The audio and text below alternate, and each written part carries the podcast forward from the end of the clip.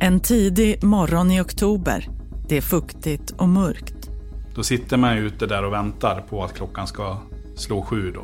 På ett 20-tal platser runt om i Sverige, i söder, norr, öst och väst, sitter poliser och väntar i sina bilar utanför ytterdörrar. Hon låg och sov när vi gick in. Det var ganska omtumlande för henne tror jag. Innan solen har gått upp den här dagen kommer 20 medelålders kvinnor att få avbryta sina vardagliga sysslor. Står det två poliser utanför. De körs till polisstationer runt om i landet. De kommer att bli förhörda, åtalade och dömda. Det ska bli den första och största barnövergreppshärvan i Sverige med kvinnor. Och fallet kommer att bli känt långt utanför Sveriges gränser. Det är ju en smaskig grej. Människor hatar ju oss som pesten. Till och med i USA skriver de i tidningarna om det här. I media kallas de kvinnliga pedofilligan. Och det var det mest fruktansvärda en del saker som kvinnorna skrev. Du lyssnar på Podmi Dokumentär och det här är avsnitt ett av Operation Femina. En serie i sex delar av Stina Näslund och Clara Loden från produktionsbolaget Filt. Vi vill varna för att den här serien innehåller beskrivningar av grova sexuella övergrepp mot barn.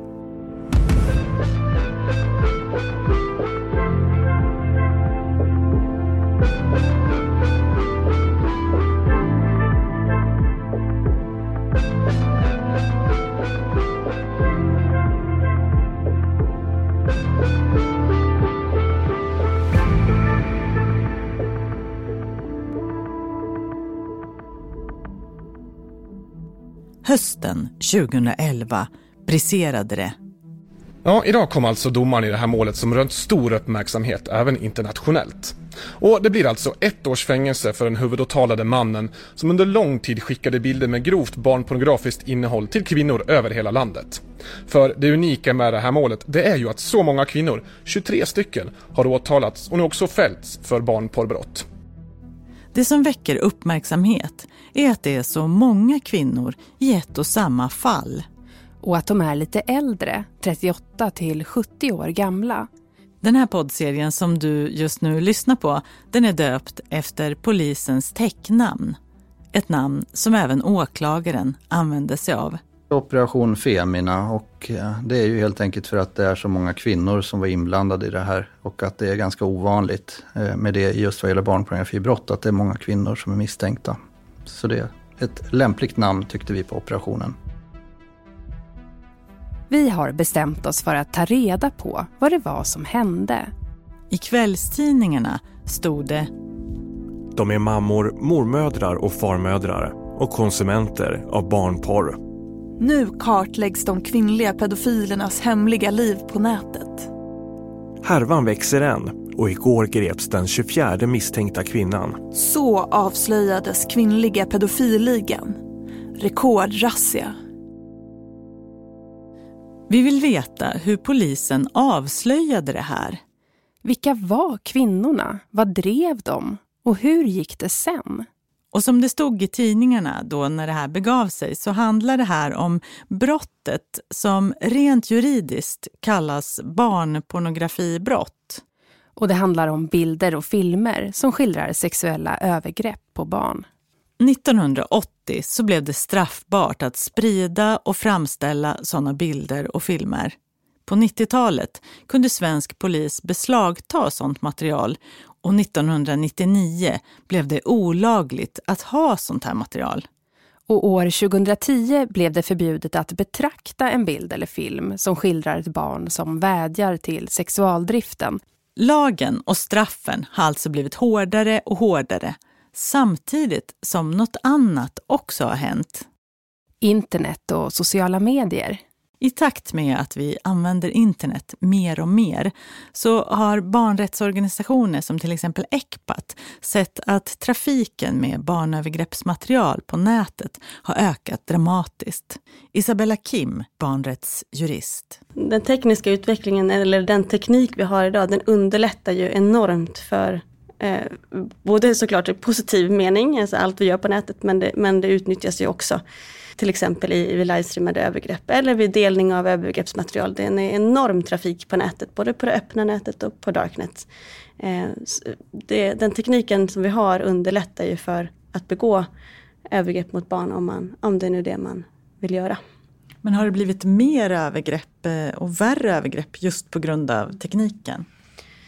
Eh, sexuella övergrepp mot barn har, har, funnits i alla tider skulle jag vilja säga. Men eh, det är klart att sedan internet kom så har ju övergreppsmaterialet ökat i omfattning. Eh, eftersom det är så enkelt att dela. Och det finns studier som visar att det i sig har, innebär att det begås fler övergrepp för att det efterfrågan ökar.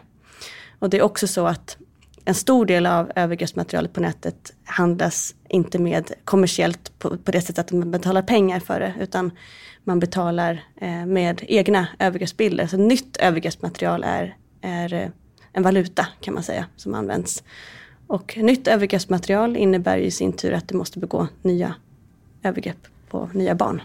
När det här fallet kommer upp i ljuset har de allra flesta i Sverige fått tillgång till dator, internet och bredband. Facebook har lanserats, vi har fått smarta telefoner, appar och chattforum på nätet. Vilka som helst kan nu sitta hemma i stugorna och chatta med personer som de inte känner. Och dela olagligt material. I en drygt tio år gammal artikel så säger kriminalinspektören Anette Stenius så här. Det fanns inga varningssignaler som omgivningen hade kunnat snappa upp. Alla kvinnorna hade en ordnad social tillvaro. De hade jobb och familj. Det här är vad folk gör i skymundan hemma, sa hon. Men ibland får vi reda på vad folk gör i skymundan hemma. Många gånger när det gäller de här brotten med barnövergreppsmaterial som skickas omkring över nätet så bubblar det ju upp någonstans till ytan. När polisen väl börjar dra i en tråd så växer det och växer till ett helt grenverk. I det här fallet kom det in som ett tips om en man.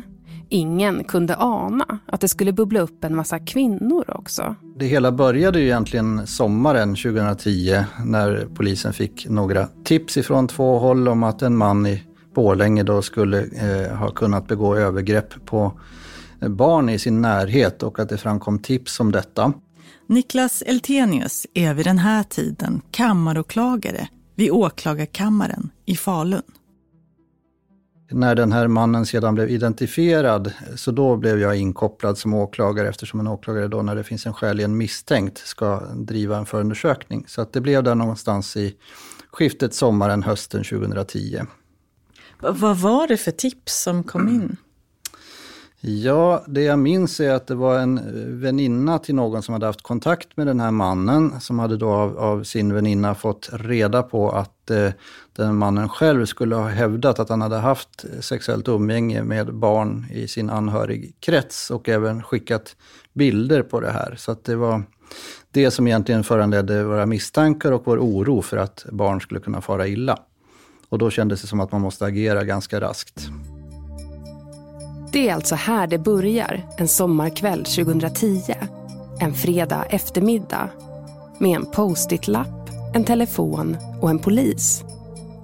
Oskar Alm är nyutexaminerad från Polishögskolan och har fått jobb som polisaspirant i Dalarna. Folk hade ju hunnit gå hem och sådär i, i stor utsträckning. Jag var kvar och jag fick ju som en liten, jag tror inte man hade sett, man visste ju som inte digniteten på det hela då eh, utan jag fick en, en lapp och där jag typ, ja, men, kan du ringa upp den här personen eh, nu under eftermiddagen så vore det bra. På postitlappen står det ett telefonnummer till en kvinna någonstans i Sverige. Den kvinnan känner en annan kvinna som har chattat med en man i Dalarna. Ute är det svensk varm sommar Oskar har inte räknat med att jobba sent. Han har inte tagit med sig någon mat. Han är hungrig. Han ringer numret på lappen. Och eh, ja, vi, vi startar ett, ett, samtal helt enkelt. Och eh, ja, någonstans där så började jag väl förstå att det var lite mer ja, men att det behövde, behövdes ta tag i om man säger. Och den här väninnan då hade berättat eh, att hon fått kontakt med en man över internet och eh, att det på något sätt hade kommit liksom till en punkt där, ja, men där han skickade eh, bilder med barnpornografiskt innehåll, alltså dokumenterade sexuella övergrepp på barn till eh, väninnan till hon som jag pratade med.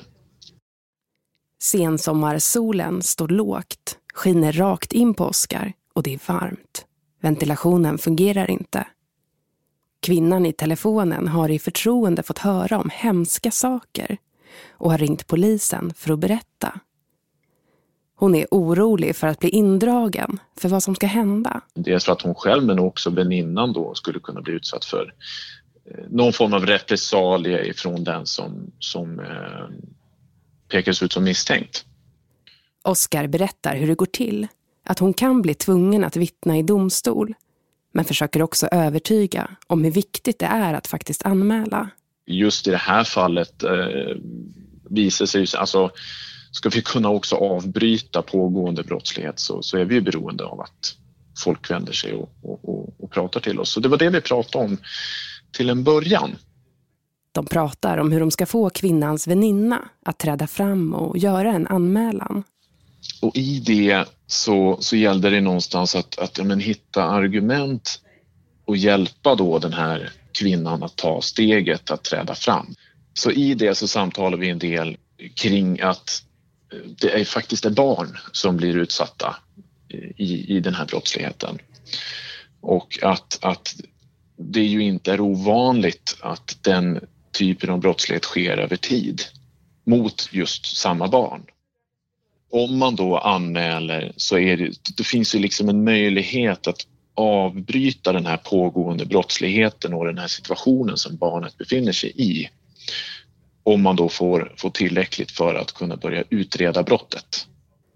Det blir en lång kväll på polisstationen för Oskar. Han skriver en anmälan och håller ett förhör med kvinnan som han dokumenterar. Sen går Oskar hem och försvinner ur historien. Men den har bara börjat. Och det här, det var andra tipset om samma man. För en månad tidigare hade en annan person ringt polisen och berättat om en man i Dalarna som har bilder på övergrepp mot barn. Bilder som han själv ska ha framställt med barn i sin närhet. Nu har polisen alltså två tips, oberoende av varandra. Fredrik Buller är vid den här tiden IT-forensiker på polisen i Dalarna. Det här fallet ska få honom att bryta ihop och byta jobb. Men det vet han ingenting om ännu. För det här fallet ser fortfarande ut som många andra han stött på. Ja, men från början så var alltså det här var ju, här var ju, det låter fel att säga, men det här var ju ett vanligt barnpornografiärende från början. Några veckor efter den här varma sommarkvällen när polisaspiranten Oskar pratade med den här kvinnan så förhör polisen också väninnan. Vi kan kalla henne Anita. Anita berättar att mannen i Dalarna har skrivit om sånt hon kallar snusk och att han beskrivit hur han förgripit sig på två små flickor i 5-7 års åldern. Vi fick även tillgång till bilder och om inte jag missminner mig så var det här två barn, små barn som satt i, i en grön soffa i ett vardagsrum.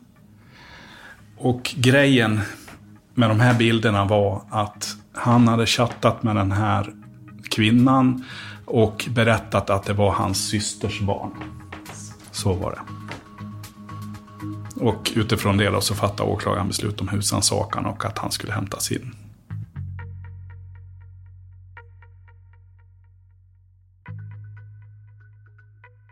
Mannen, vi kan kalla honom Mats, är i 40-årsåldern. Han gillar dansbandsmusik och reptiler. För en nära anhörig så skryter han om att han är bra på att skaffa tjejer. Kammaråklagare Niklas Eltenius startar en förundersökning. Sen föranledde vi då en insats mot just den här mannen med en, en husrannsakan för att både undersöka om han hade något elektroniskt material där han kunde ha lagrat eftersom han hade skickat bilder som han påstod var på de här barnen. Men även då för att anhålla honom för att kunna höra honom mot de här misstankarna. Så att vi förberedde helt enkelt då en husrannsakan och ett tillslag mot den här mannen specifikt. Och det gör polisen en morgon i september. De hämtar in honom och tar med sig honom och hans dator, hårddiskar, telefon och USB-minnen. Men det visar sig att Mats också har fantasi. Det vi framförallt inledde med att undersöka det var ju misstankar om, om eh, eventuell våldtäkt emot barn. Och den här mannen eh, häktas ju också så småningom, bland annat på den misstanken, men även på misstanke om barnpornografibrott. Och sedan gjorde vi det mesta för att undersöka om det låg någonting verkligt bakom de här uppgifterna om att han skulle ha gjort övergrepp mot barn. Så att vi kontrollerade detta väldigt noga. Men så småningom så kom det fram till att det här nog var mer fantasier och att de här bilderna som han hade skickat inte föreställde de barn som han påstod att han skulle känna. Men sen kom det fram betydligt mer annat material som blev av mer intresse medan de här våldtäktsanklagelserna då kom att läggas ner. Mats verkar alltså ha hittat på det som han skriver till Anita. Att han har gjort de här sakerna med barnen som bilderna föreställer. Vidare utredning gav ju det att eh, det här var ju inte hans systers barn. Utan det här var eh, en bild som vet, florerar på internet. Say hello to a new era of mental health care. Cerebral is here to help you achieve your mental wellness goals with professional therapy and medication management support. 100% online. You'll experience the all new Cerebral Way, an innovative approach to mental wellness designed around you. You'll get a personalized treatment plan from a therapist, prescriber, or both in a safe and judgment free space. Your cerebral therapist or prescriber will outline a customized plan with clear milestones along the way so you can get to feeling your best. With Cerebral, you're not alone in your mental health journey. We're here to empower you to live a fulfilling life. So take that first step towards a brighter future and sign up today at cerebral.com slash podcast and use code ACasts to get 15% off your first month. Offer only valid on monthly plans. Other exclusions may apply. Offer ends July 31st, 2024. See site for details. Även idag. Men bilder, det har han. Med olagliga motiv.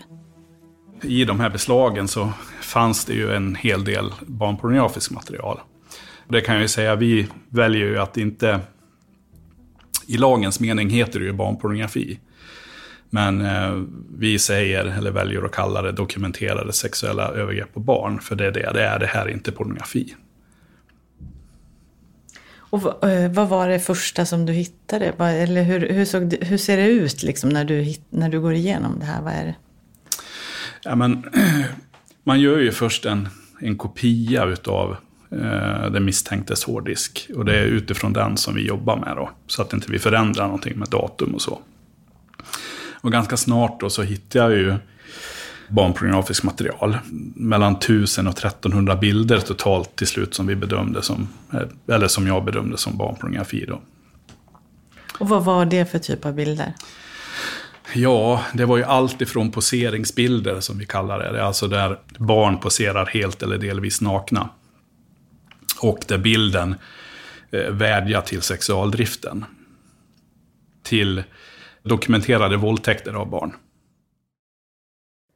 Men Fredrik och hans kollegor hittar inte bara bilder och filmer utan också en massa kontakter med andra.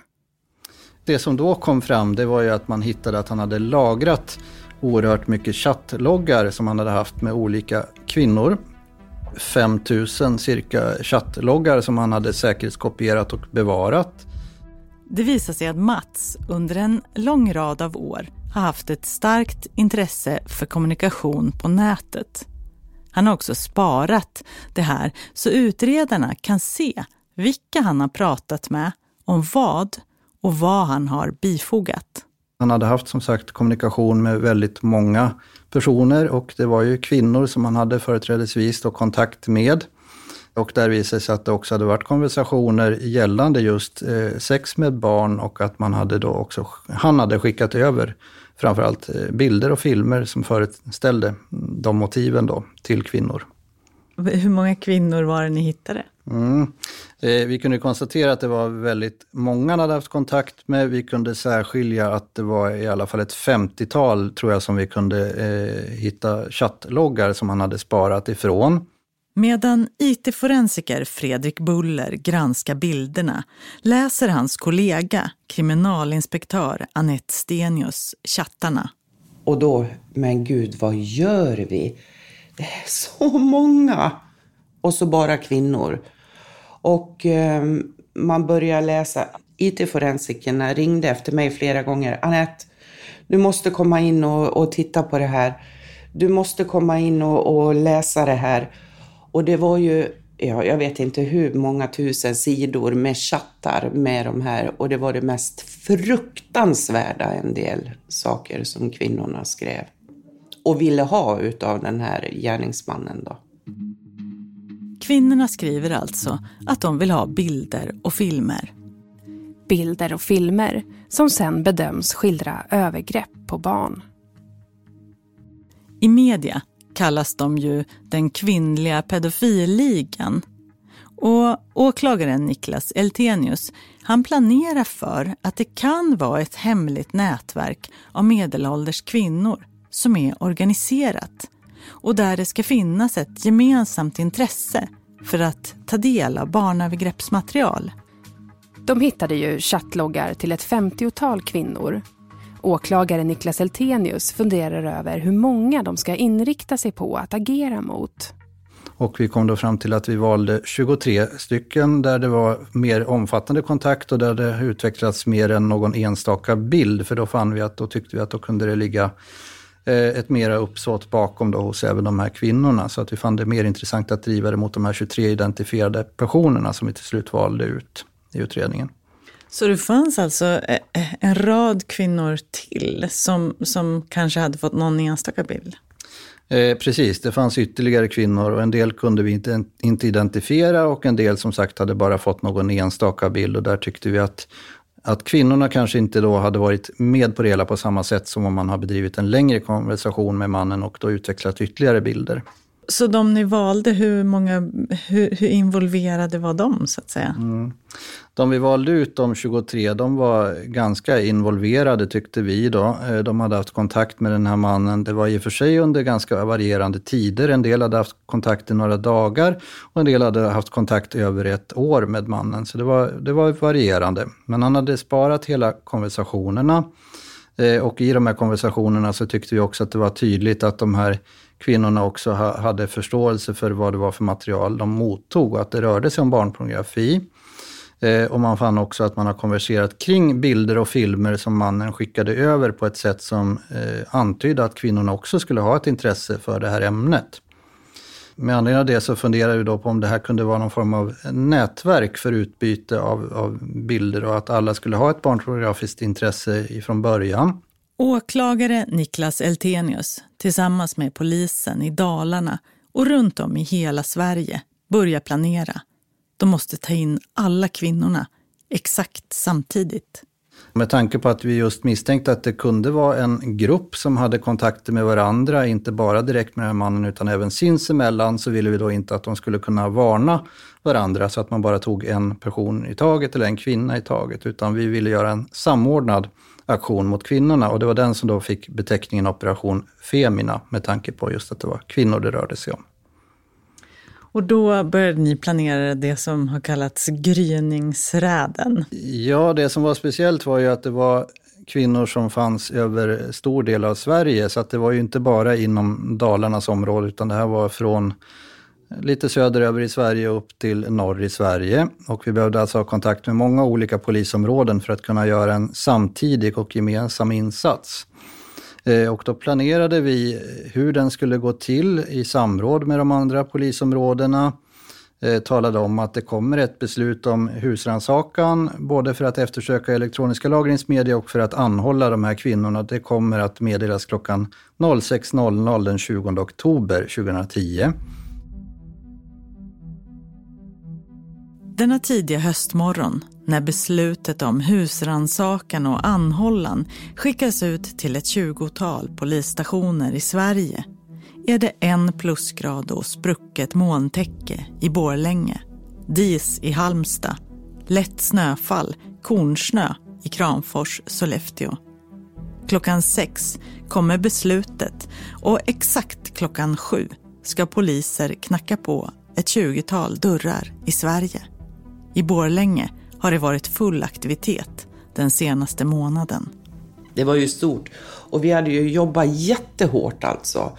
Och eh, hade väl eh, fått chock på chock på chock kan jag säga.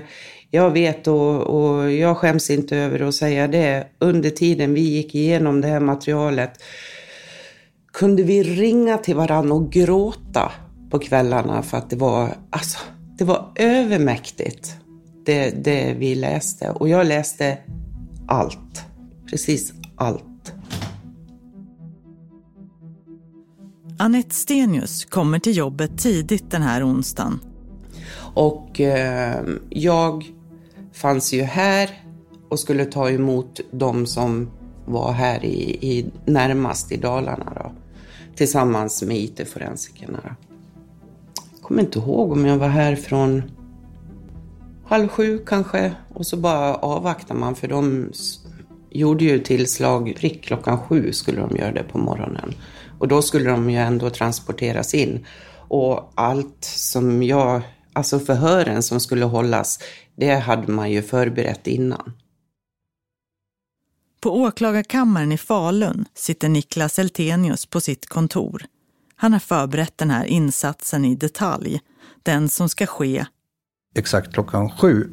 Så att det inte skulle kunna gå miste om eller någon skulle kunna hinna förstöra bevis eller tipsa någon annan om det. Eh, och vi skickade ut också en information om både vilka frågor som vi ville skulle ställas till eh, de här kvinnorna, liksom hur man skulle gå tillväga när man säkrade upp eh, datorer och elektroniska lagringsmedia så att inte information skulle bli förstörd.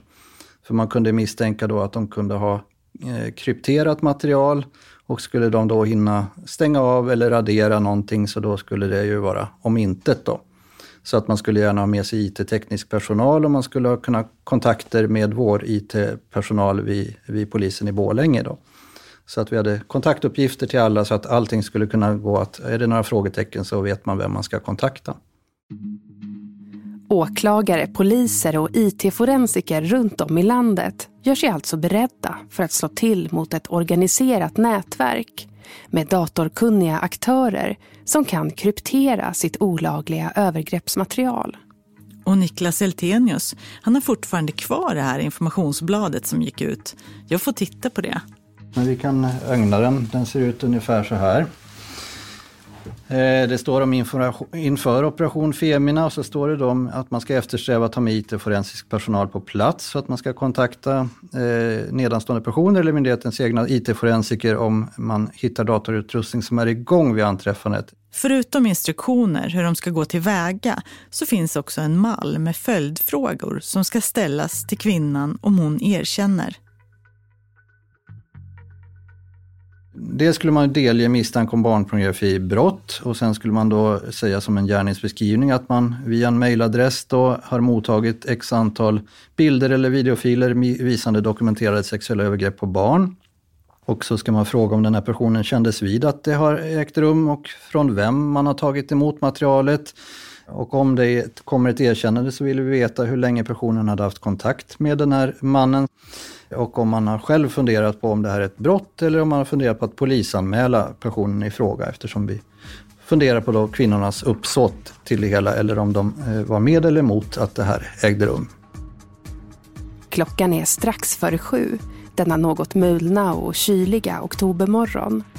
På ett tjugotal platser i landet sitter poliser i bilar och väntar på att klockan ska slå sju. IT-forensiker Fredrik Buller följer med en patrull som ska till ett angränsande län. Så vi fick ju åka ganska tidigt. Och då åker man ju, jag bor ju i Falun så jag åkte ju hit till Borlänge då för att hämta bil och utrustning och så. Och träffa de som skulle vara med då. Och så rullade vi ju ner till det här stället, tog väl en och en halv timme ungefär. Och eh, då sitter man ute där och väntar på att klockan ska slå sju då. De stannar utanför ett hyreshus med björkar och gräsplantering utanför. Väntar. Klockan sju gick vi in i den här, det var en lägenhet vi var inne i. Och eh, träffade ju på den här kvinnan. Eh, hon låg och sov när vi gick in. Det var ganska omtumlande för henne tror jag. Det skulle nog vara chockartat för vem som helst om det kom in folk när man ligger och sover. Polisen går in först och anhåller kvinnan. Fredrik Buller, som är IT-forensiker, håller sig i bakgrunden. Han ska ta hand om hennes dator och mobiltelefon.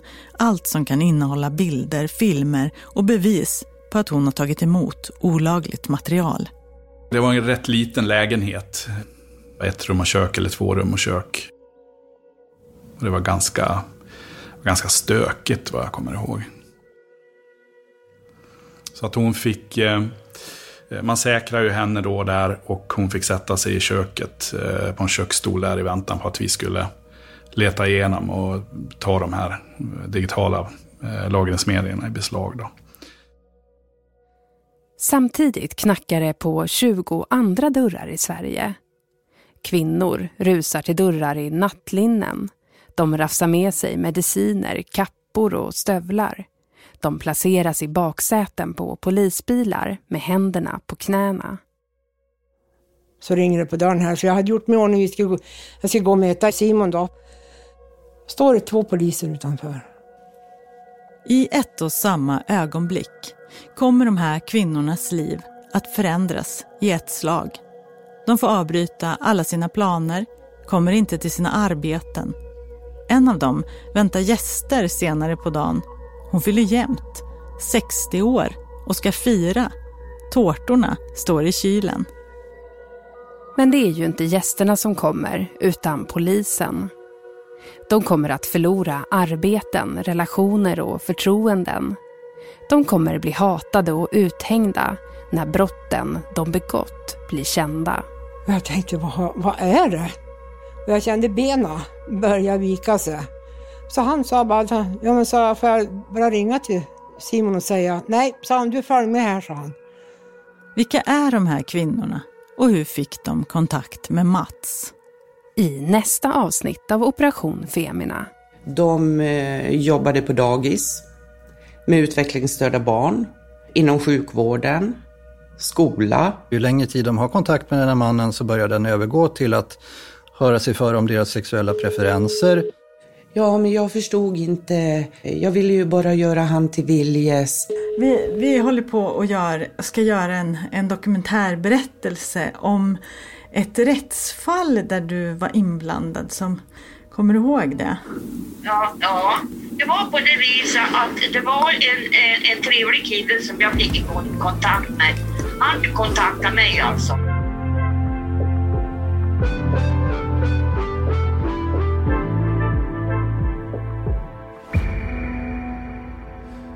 Du har lyssnat på första delen av Operation Femina.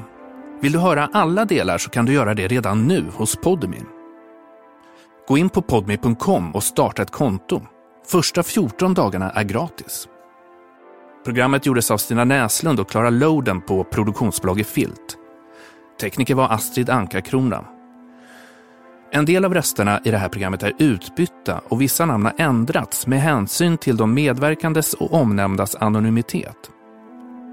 Flera av de dömda personerna har avböjt att medverka i programmet och andra har inte återkommit trots upprepade kontaktförsök.